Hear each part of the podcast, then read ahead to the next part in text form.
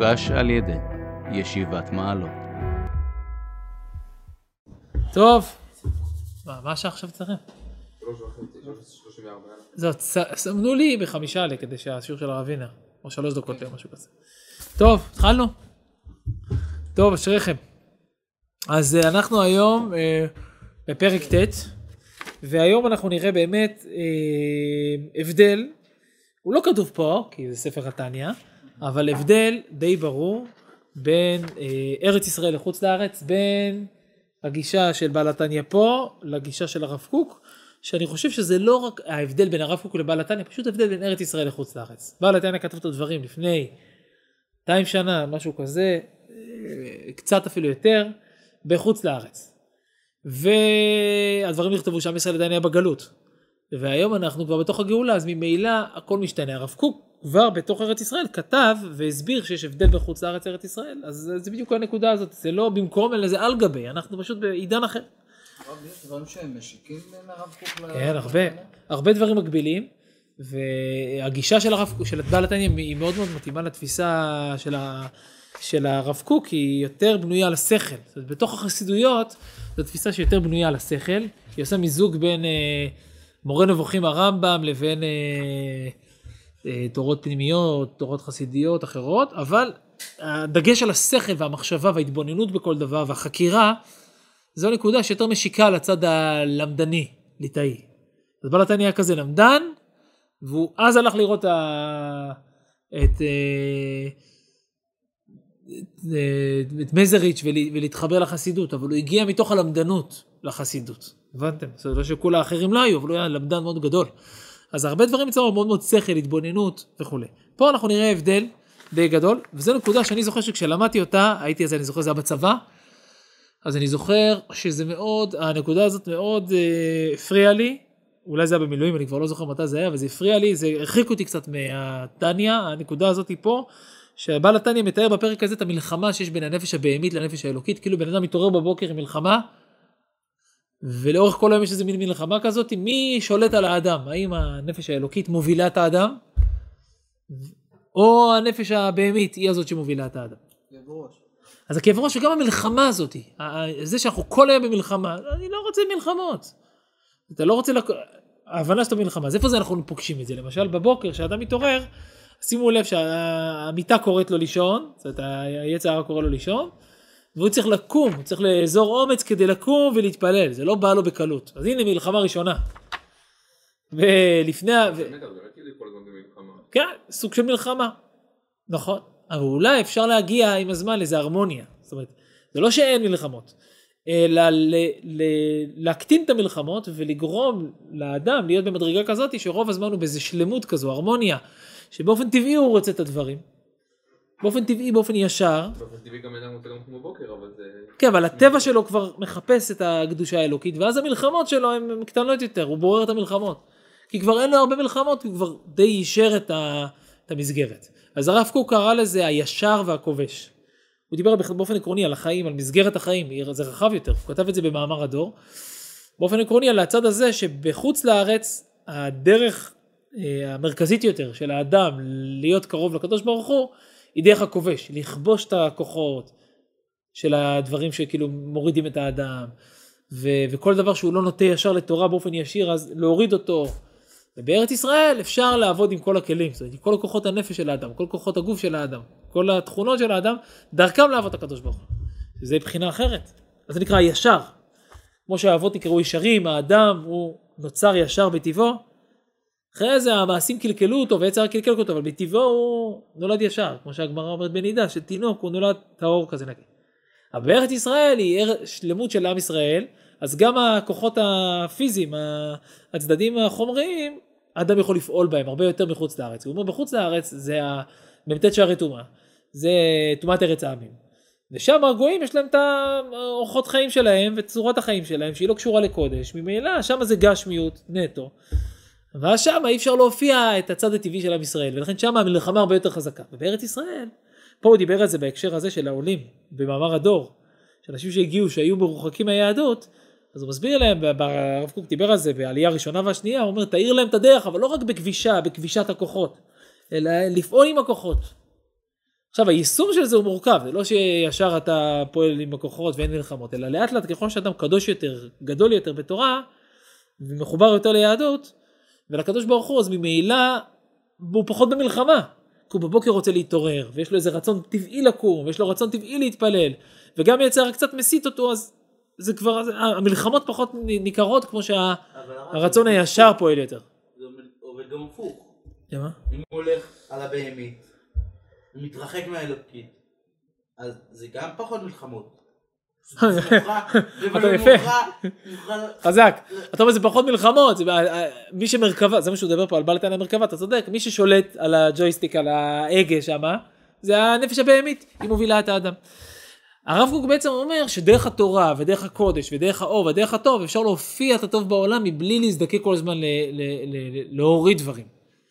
אלא זה פשוט פועל באופן טבעי, ישר, הצד הזה. אז בואו בוא ננסה לראות את התניא, ננסה לראות את הרב קוק וננסה לראות מה אפשר לעשות איתם ביחד. והנה מקום משכן, אז נעשה רק חזרה, פעם שעברה דיברנו שהמשכן של הנפש הבהמית היא בחלל השמאלי של הלב, שפה יש יותר דם, בסדר? כי הנפש הבהמית מוביל, נגיד כעס, גאווה, דחפים, תאוות, הצד שלהם המרכזי יותר זה מה? לשמאל, אבל מה, הם, הם באים לידי ביטוי מהמחשבה או יותר מהרגשות? אדם עובר עבירה, בי, כן? נכנסת בו רוח שטות, מין איזה רצון כזה לעבור עבירה, אה, דחפים, יצרים, תחושות, זה לב, לכן המקום שלו בעיקר בחלל השמאלי של הלב, שבו האדם.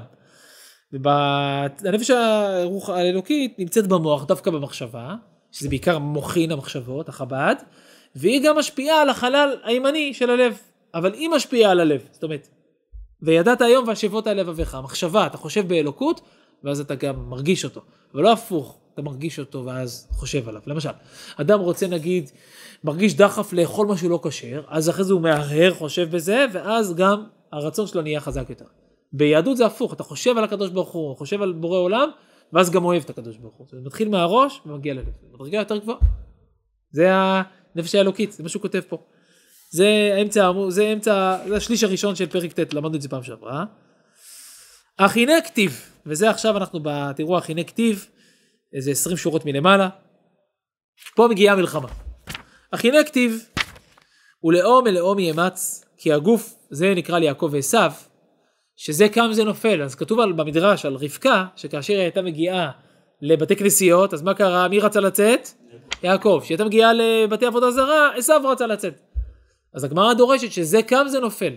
זאת אומרת, עם ישראל שהוא מגיע לגדולה ולהצלחה, אז כוחות הטומאה מקבלים ירידה. וכשהם גדלים אז עם ישראל יורד. זאת אומרת, או-או, מין איזה איזונים כאלה. מה? שכשהבורית אין בו יפה אין מאוד. זה הגמרא בשבת. יפה, מין משהו כזה, מין, מין מצב של אין ואקום. זאת אומרת, או כל פעם מישהו תופס את המקום. כי הגוף נקרא עיר קטנה, ככה שלמה המלך בקהלת ממשיל. וכמו ששני מלכים נלחמים על עיר אחת, זה המשל של העיר, שכל אחד רוצה לכובשה ולמלוך עליה, דהיינו להנהיג יושביה כרצונו ושיהיה שרים למשמעתו, בכל אשר יגזור עליה. זאת אומרת, מלך נלחם כדי לכבוש את העיר. אז אם אנחנו מבינים שהאדם הוא נקרא עיר קטנה, אז יש לנו שתי מלכים שמנסים לכבוש את אותה עיר. הנפש הבהמית, הצד החומרי והטומאה, והנפש האלוקית, הצד הרוחני. מה המשמעות של לכבוש? תגידו לי, מה המשמעות של לכבוש? לשלוט. לשלוט, מה, מה זה מתבטא? שזה מוביל את האדם, איך אתה פועל בעולם, אם אתה פועל... שכלית זה לא בדיוק אותו דבר. למה? אם הוא במשל, אה, לדוגמה, הוא היה אומר, המלך מת, שני יורשים. ושניהם רוצים לירש, זה יותר אה, מדויק מאשר רוצים לכבוש. כי רוצים לכבוש, הם יכולים לעשות כביכול שותפות, ואז לריב על העיר, אחרי שהם כובשים, אה, סוג של לריב על העיר. זה גם קורה האמת היא, כי לפעמים היצר הרע עושה שותפות עם היצר הטוב, מין איזה משא ומתן, שזה היצר הטוב, אפרופו משא ומתן שעכשיו זה מדובר הרבה, אז האדם, אה, האדם חושב שיש איזה משא ומתן, אבל זה באמת לא משא ומתן, יש מישהו שהוא מוביל. המישהו המוביל הזה, עכשיו למה הוא מביא את הדוגמה ללא שהיה מלך? כי לא היה אף פעם מלך, הגוף, בנקודת המוצא שלו מההתחלה, יש לו את היצר הרע טוב והיצר הרע, זה נכון שיצר הטוב לפי המדרש מגיע מאוחר יותר, אבל זה לא שהוא לא קיים בפנים, הוא בא פחות לידי ביטוי. באופן שלם לפני גיל 13, זה לא שהוא לא נמצא. ואתה לא רואה ילדים קטנים שהיצר הטוב פועל בהם והם פועלים, אלא מה, הוא לא מגיע לידי שלמות וביטוי באופן שאפשר להגדיר אותו. האדם פועל והוא לא תמיד יודע. אחרי זה מגיע לו הדעת והבינה בגיל 13, ואז הוא יודע עכשיו באופן מובהק שהיצר הטוב פועל בו, והוא יודע גם להשתמש איתו יותר טוב. לפעמים היצר הרע גורם ליצר הטוב לעשות איזה הסכמים ממון כאלה, הסכמים כאלו ואחרים, אבל שבאמת הוא שולט. זו השאלה פה, מי, מי, מי פועל? בוא נמשיך, מה?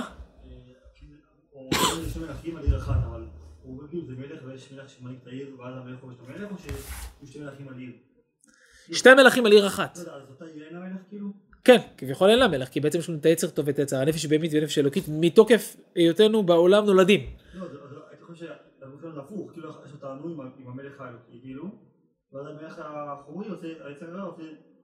אה לא, זה ביחד, כי לא זה במנגנון נמצא, פשוט נמצא במקומות שונים. זה שתי מנגנונים שונים באותו גוף, מההתחלה. רק מה, החידוש שלו פה, שזה לא שאני, מי שמנצח, מה עושה עם היריב שמפסיד? כי נגיד עכשיו יש מלך שכבש, מה הוא עושה? מעיף את המלך הקודם, הורג אותו, את הממלכה מוציא אותה. מה, מה, מה הביטוי של זה פה אצלנו בגוף? יש לי יצר טוב ויצר רע, יש לי נפש בהמית ונפש אלוקית, ונגיד יש מלחמה, ונגיד מישהו ניצח. מה קורה למפסיד? מצד אחד יכול להיות שהוא מדכא את היצר הבהמי, מצד שני או שהוא או, נראה נתין. זה, זה השאלה, בוא נראה, בוא נראה, זה ממש מרתק. כך שתי הנפשות האלוהית והחיונית הבהמית שבקליפה נלחמות זו עם זו על הגוף וכל איבריו שבאלוהית חפצה ורצונה שתהיה היא לבדה מושלת עליו ומנהיגתו וכל האיברים יהיו שרים למשמעתה. זאת אומרת כל אחד רוצה להוביל וכולם יהיו שרים למשמעתה. כולם יהיו, את כל האדם, מחשבות שלו, הרצונות שלו, הפעולות שלו, הכל יעבדו בשביל הקדוש ברוך הוא, בשביל עם ישראל, בשביל התורה, תמיד לכיוונים טובים, לעשות טוב ויושר וצדק. או לעשות רק רע ונזקים וטומאה ויצרים. זה הצד השני, השאלה מי, מי מוביל? מה המשקפיים שאיתם אתה פועל בעולם? מה, מה הכרטיס כניסה שלך? ובטלים אצלה לגמרי ומרכבה עליה ויהיו לבוש לעשר בחינותיה וג' לבושיה הנ"ל אמרנו שיש לנו עשר לבושים, אה, עשר אה, בחינות, עשר ספירות, עשר צדדים שאיתם אנחנו פועלים בעולם ושלושה לבושים מחשבה דיבור ומעשה אם הצד הטומאה פועל בעולם וזה הלבושים שלך אז אתה חושב בטומאה, מדבר בטומאה ופועל בטומאה, זה הלבושים ואם זה בקדושה, אז זה בקדושה. זה, זה, זה, זה, זה המלחמה. שיתלבשו כולם באיברי הגוף, יהיה הגוף כולו מלא מהם לבדם ולא יעברו זר בתוכם חס וחלילה. חס וחלילה שאף אחד לא יעבור שהוא לא מתאים לזה. דהיינו תלת מוחין שבראש יהיו ממולאים מחב"ד שבנפש האלוהית, שהיא חוכמה, ה' ובינתו, חוכמת השם ובינתו, להתבונן בגדולתו, עד אין חקר ואין סוף, ולהוליד מהם על ידו הדעת ויראה במוחו, פחד השם בליבו, ואהבת השם כאש בוערת בליבו כרשפי של עבד להיות נחשפה, וגם קלטה נפשו בחשיקה וחפיצה לדווקא בו באינסוף ברוך הוא בכל לב ונפש מאוד מעומקא דליבה שבחלל הימני שיתוכו רצוף אהבה מלא וגדוש עד שיתפשט גם לחלל השמאלי לעקף לסטרא אחא יסוד המים הרעים. נחזור על זה עוד רגע. בעל התניא מחדש שהמשמעות שמלך שכובש את העיר זה לא שהוא הורג ומוחק את העיר, אנשי העיר הקודמת אלא הוא הופך את נתיני העיר הקודמת להיות חלק ממנו. להיות חלק מהאומה, להשתלב. איך, מה הביטוי של זה פה? אנחנו יודעים שהקדוש ברוך הוא ברא בכל, נכון? ואהבת את השם אלוקיך בכל לבבך, לא בכל לבך או בכל לב, אלא בכל לבבך, מה זה בא להגיד לנו? שני יצרים, שני יצריך, מה אומרים חז"ל? יצר טוב ויצר רע. איך אפשר לעבוד את הקדוש ברוך הוא עם יצר הרע? יצר הטוב אני מבין. איך אפשר לעבוד את הקדוש ברוך הוא עם יצר הרע? זהו, אז חז"ל אומרים ש- שמתוך שהאדם יצר הרע, אילולא יצר הרע, האדם לא היה מוליד ילדים, ולא היה נושא אישה, ולא בונה בית. מתוך שיש יצר הרע, הוא יכול לבנות בית, לשאת אישה, להוליד ילדים, ואיתם אבל לפעול בקדושה, מה? כן. בדיוק, אז מה אתה עושה בקליפת נוגה? אתה משתמש. כי בעצם יצר, כותב פה בעל התניא, וזה מופיע ברב צדוק הרבה, פרי צדיק, זה כוח. אז דרך הכוח הזה, שהוא הכוח של האדם, אז- אתה משתמש בו לעבודת השם. אז גם בנפש הבהמית אתה רותם אותה לעבודת השם. אמרנו לבנות, לעשות.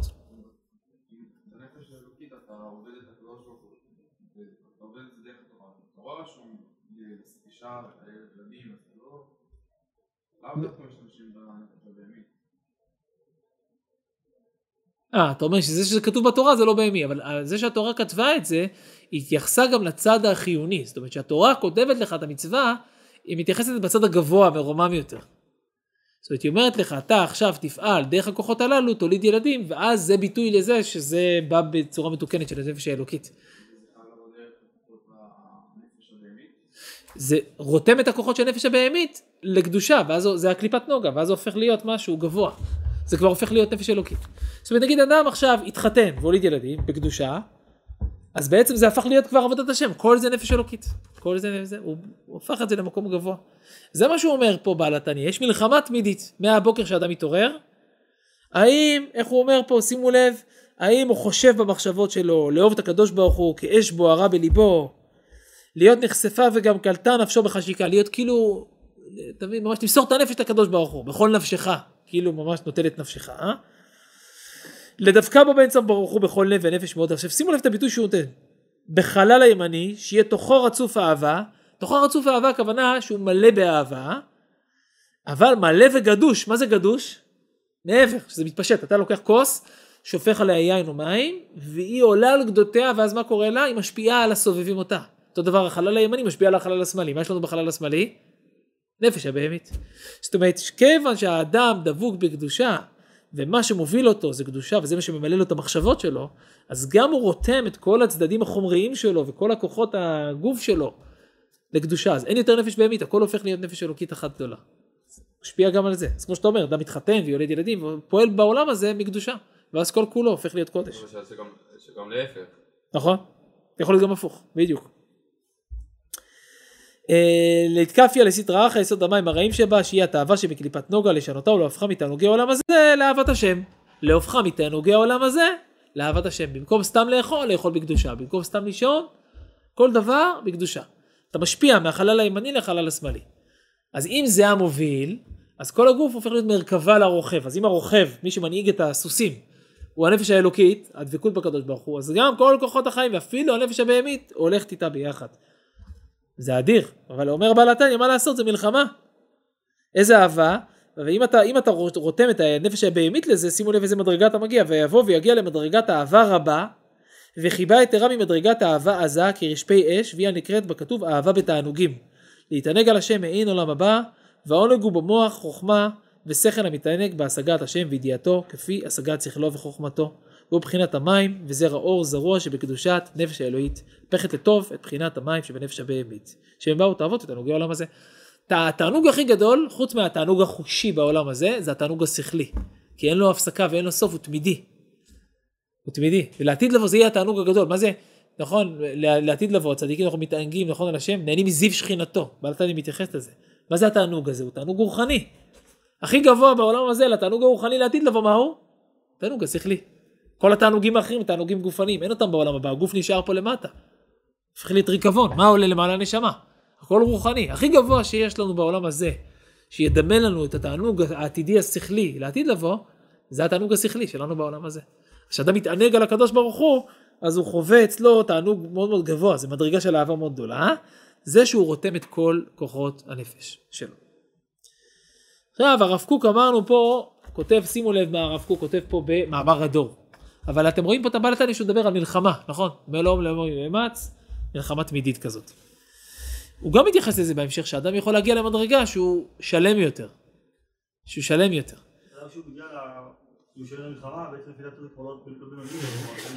בדיוק, ובעל תניא אומר אין בעיה, יש מדרגה צדיק גמור, והצדיק הגמור הוא אה, אין לו מלחמה. בסדר, הנה בעל תניא אומר אתה צודק, נכון, הנה אתה צודק. צדיק גמור אין לו מלחמה, הנה בסדר, גם בעל תניא אומר את זה נכון. אבל בעל התניא בעצם אומר לנו, אבל עד אז מלחמה. לרוב האנשים. כי אנחנו עדיין לא בינונים, אנחנו רוצים להיות בינונים. אז טוב. יש עוד... אבל בעל התניא אומר ככה, אבל הרב קוק כותב מאמר הדור, אה, הכלל כולו נכלל בשתי המדרגות הידועות של הישר והכובש, אז הוא אומר ככה, אבל זה איננו דרך ההוראה עדיין, כי כאשר יוסיף לקח וכולי, אז הוא אומר כך, אז יימצא כי הוא איננו צריך כל כך להיות בעל מלחמות. אם האדם מצרף את האור השכלי ואת התורה באור התורה, אז הוא מגיע לפעמים, לפעמים יהיה לו צורך במלחמה. אה, הוא יראה גבורה אחרת, להוסיף תורה ולהוסיף קדושה, ובזה הוא לא יצטרך מלחמות. ואז הוא אומר ככה, הדרך האחרונה היא להתהלך במדרגה התחתונה של המוסר הכללי, זה בחוץ לארץ. כזאת היא היהדות שבחוץ לארץ, שאיננה יכולה להיות במילואה וטהרתה. כי סוף כל סוף, הלא כל אדם בחוץ לארץ דומה כמי שאין לאלוה. שי בגד צל מוות, אי אפשר ללכת במרחב, אי אפשר לשאוף לחיים מלאים כי הם חיים חברותיים לאומיים וכולי. על כן מוכרח להיות צולע על ירחו, וזה בא ורק תמיד להיות במלחמה הזאת. אבל לא זאתי תורת החיים הנצרכת לדור של עקבתא דמשיחא, שהיא מוכרחת להימשך מארץ החיים ממקום בית חיינו. בסדר?